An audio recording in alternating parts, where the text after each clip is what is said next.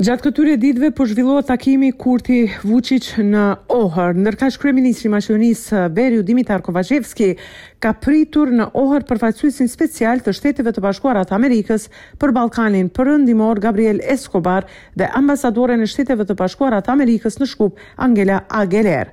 Në takimin e realizuar, kryeministri shoqërohej nga zëvendëskryeministri për Çështje Evropiane, Bojan Mariçiç dhe ministri i Punëve të Jashtme, Bujar Osmani.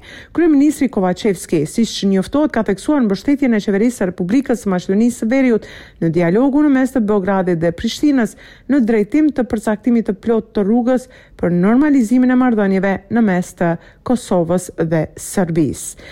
Ndërkaq, të gjitha partitë politike duhet t'i marrin obligimet me sinqeritet të punojnë në vazhdimin e shtigjeve evropiane, ka qenë mesazhi nga Shkupi i dërguar nga përfaqësuesi i lartë për politikë të jashtme, Josep Borrell, pas takimit të gjashtëmbëdhjetë të Këshillit për marrëveshje për stabilizim dhe asociim. Ndërkaq, komisioneri për zgjerim i Bashkimit Evropian, Oliver Varhelyi, konfirmon se në Shkup do të takohet me deputetë të partive politike. Ndërkaq, komisioneri për zgjerim i Bashkimit Evropian, Oliver Varhelyi, konfirmoi se në Shkup do të takohen me deputetë të partive politike. Kryeministri Kovaçevski ka parë mundësinë që Maqedonia e Veriut në Bashkimin Evropian të anëtarësohet në vitin dy mijë e tridhjetë, por, siç bën të ditur, për herë të parë ekziston rreziku që nga brenda të ndalet rruga eurointegruese e vendit. Përgjegjësinë e hedh tek opozita. E në anën tjetër, diskutimet dhe ndalesat nga ana e Ministrisë së Drejtësisë për emrat e dy shoqatave bullgare, sipas Ministrisë së Jashtme të Bullgarisë janë përpjekje për kufizimin e të drejtës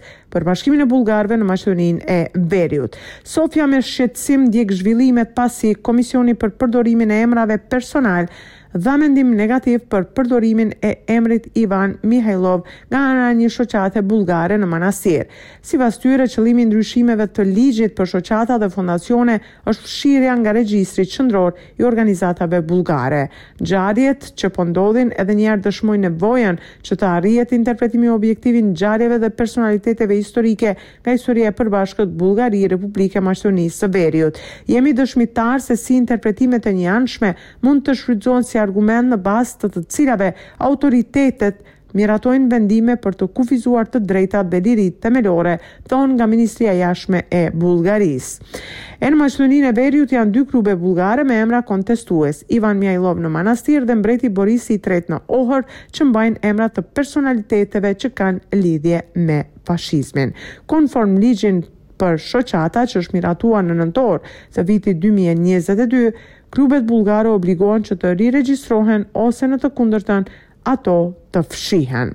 Tashmë ka filluar edhe një fushatë e re, ajo po vjen e Bashkimit Demokratik për Integrim dhe flitet për kryeministrin shqiptar. Kryeministri Dimitar Kovaçevski nuk ka dashur të komentojë fushatën e BDI-së në opinion për kryeministër shqiptar, por Kovaçevski ka thënë se është një marrëveshje koalicioni dhe nuk ka asgjë kontestuese, për më tepër ndjekim deklaratën e tij. Ndërkaq VMRO-DPMNE nuk ka dilema se është gati të shkojë në zgjedhje të parakohshme parlamentare që sipas tyre janë të domosdoshme. Mickovski ka komentuar deklaratat e zyrtarëve të BDI-së Bujar Osmani dhe Artan Grubi për kryeministrin shqiptar. Për më tepër ndjekim deklaratën. Është shënuar edhe njëzet e dy vjetori i fillimit të luftës në Maqedoninë e Veriut me një manifestim në organizimin e quajtur Pranvera e Dinjitetit. Në mesin e të pranishmëve të shumtë kabinetit qeveritar është shfaqur një program artistik dhe janë lexuar disa kumtesa për rolin e vitit 2022 në historinë e shqiptarëve në Republikën e Maqedonisë së Veriut.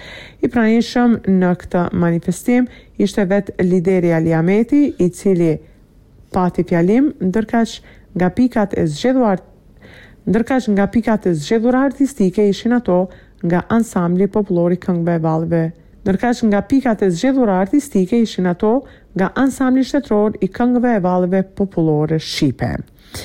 Është shënuar edhe shtatëdhjetë vjetori i lindjes së korifejve të gazetarisë shqiptare Qani Mehmedi, emri dhe veprat të cilit janë të pashkëputur nga zhvillimi ynë i gjithëmbarshëm, ka thënë drejtuesi i Institutit për Trashëgimi Kulturore e Shpirtërore të Shqiptarëve në Republikën e Maqedonisë së Veriut,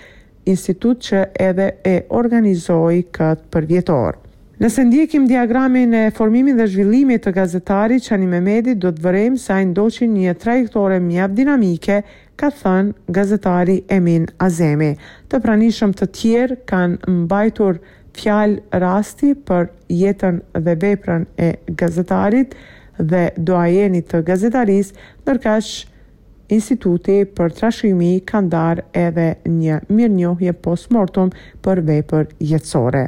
Për Radion SBS raporton nga Republika e Maqedonisë së Veriut, Besiana Mehmeti.